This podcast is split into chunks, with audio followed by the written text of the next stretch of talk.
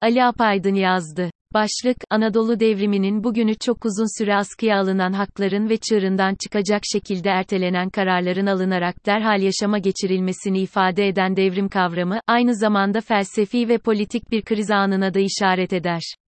Anadolu devrimi de böyle bir kriz anında ortaya çıkmıştır. Ve her devrimin olduğu gibi bu devrimin de kendine temel aldığı felsefi bir duruş noktası vardır. Anadolu devriminin bugününde en çok ıskalanan esas da budur, devrimin felsefesi. Her devrim köklü bir değişimi ifade eder. Bu köklü değişim, bir arada yaşama kültürünün yeniden tesis edilmesi bakımından yaşamanın her alanına yönelik birçok unsuru taşır içinde.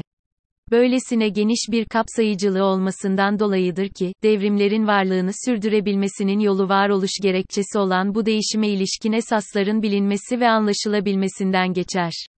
Ki bunun için daima rasyonel bir düzlem üzerinde bulunulmalıdır. Bu noktada bilhassa Türkiye'de kendilerini devrimci olarak adlandırılan birçok kimsenin sıklıkla yaptığı gibi ikonik figürler üzerine kurulu anlatılar ile kutsanmış bir terminoloji ile dile getirilen söylemlerin aksine, devrimler asla toplumsal bir duyguyu ifade etmez. Çünkü hiçbir devrim bir duygunun ürünü değildir.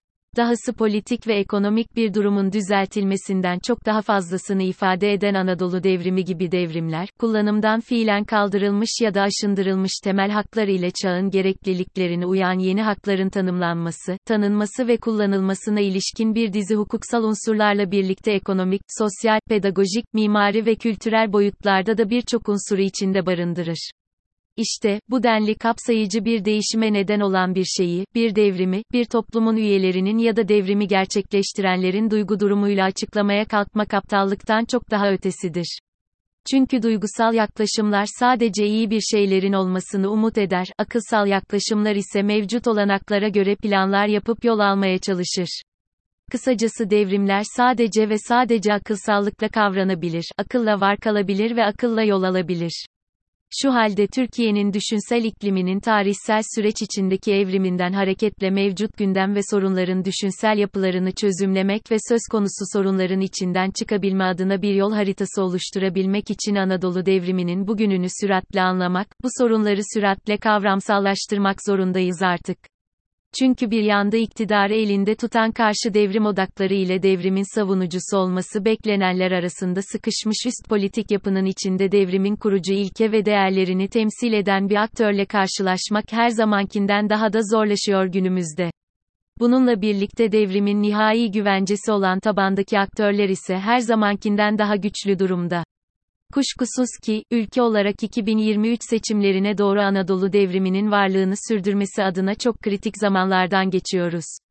Bununla birlikte Türkiye enteliyansiyanın uzunca bir süredir düşünme kriterlerinin aşındığı ve politik üst yapı aktörlerinin belirli bir kararı alabilecek ve yönetebilecek perspektiften yoksun kaldığı zamanları da yaşıyoruz.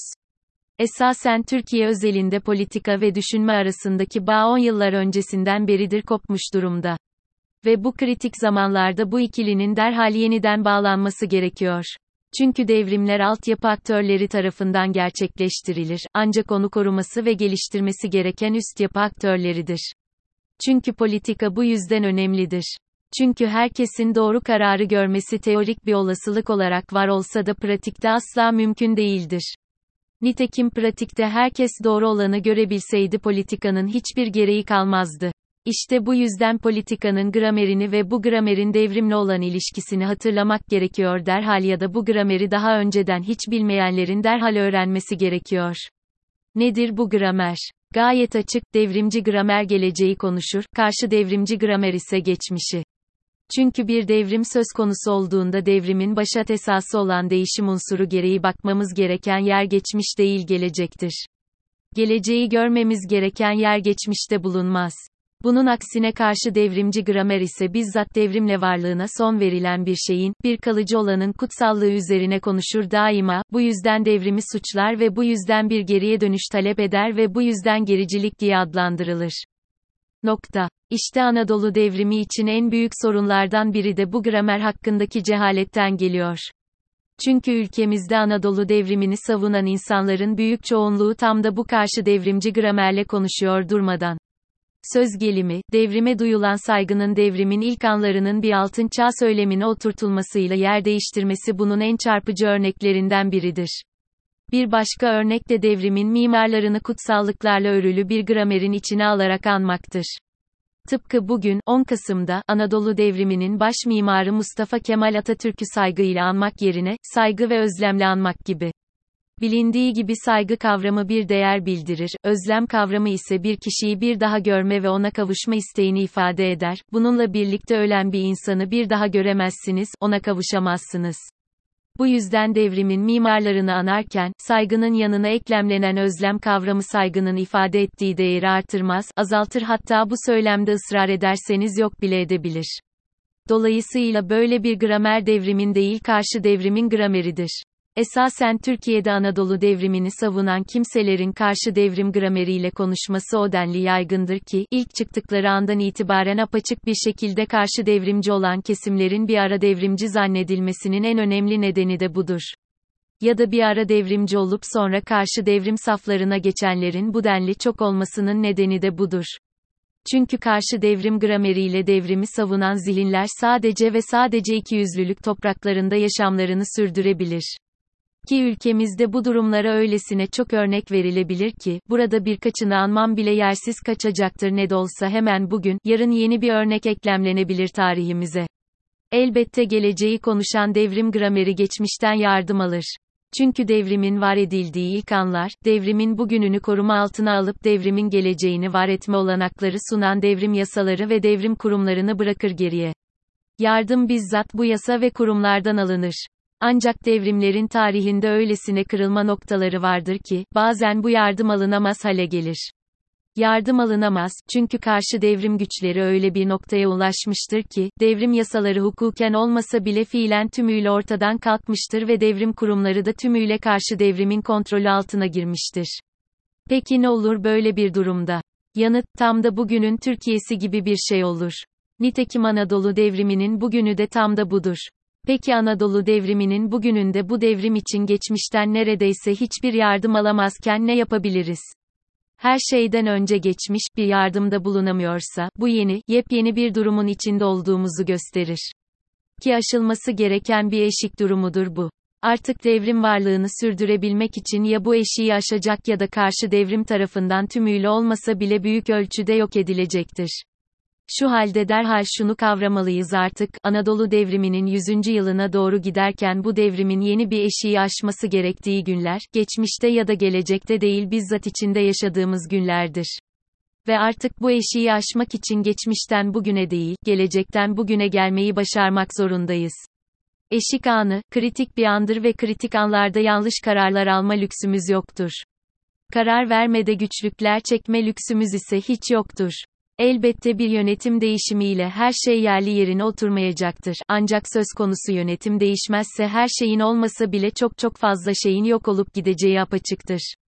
Kuşkusuz Türkiye özelinde bir yönetim değişimiyle her şeyin yerli yerine oturacağını sanan seçmenlerin yerini gezi eylemleriyle birlikte elini bizzat taşın altına koyan seçmenler almıştır çoktan. Bu yüzden devrimin nihai güvencesi olan tabandaki aktörler her zamankinden daha güçlü durumdadır artık. Fakat üst politik yapı aktörlerinin bundan halen haberi yoktur hiç olmazsa yeterince haberi yoktur diyelim. Söz gelimi son yerel seçimlerde İstanbul ve Ankara başta olmak üzere birçok büyük şehirde karşı devrim odaklarına karşı seçimlerde elde edilen başarıyı, kendilerinin bir başarısıymış gibi göstermeye çalışan aktörlerin, oylara nasıl sahip çıkılması gerektiğini sadece birkaç genç insanın girişimiyle var edilmiş sivil toplum örgütlerinden öğrendiklerini unutmaları trajiktir. Nokta. Ki, karşı devrimin en güçlü olduğu günlerde, kuşkusuz bugünümüz o günlerin bir devamıdır halen, kendi varlığını büyük bir mobilize güç olarak ortaya koyup gezi kültürünü var eden alt politik yapı aktörlerinin elde ettiği başarı sonrasında, bu başarıyı adeta sönümlemek için devrimin kurucu ilke ve değerlerini askıya almaya kadar varan bir seçim stratejisiyle Ekmeleddin İhsanoğlu'nu bir aday olarak sunanların öz eleştirisini yaptığına yönelik gerekli işaretler halen yeterince görünmüyor. Nitekim bugünlerde kullanılan söylemler bu öz eleştirinin yapılmadığına ilişkin çok haklı şüpheler uyandırıyor. Evet şunu asla unutmamak gerekir, devrimler, karşı devrimlerin aksine yurttaşların bir kısmı için değil, her bir yurttaş içindir. Ve Anadolu devrimi de tam da böyle bir devrimdir. Bununla birlikte karşı devrim mücadelesi verenlerin suistimal etmesine çok açık olan bu esasın sırf varlığını koruması için sadece bu suistimal düzeyinde kullanılır olmasıyla yetinmek asla kabul edilemez bir stratejidir. Daha basit ifadeyle dile getirmek gerekirse, karşı devrimcilere ödün vererek devrim savunulamaz, devrim korunamaz, devrimci olunamaz. Başka bir şeye başlamanın aciliyetine işaret eden bugünümüz için artık bir bütün olarak devrimin tüm esaslarına uygun şekilde davranma zamanıdır.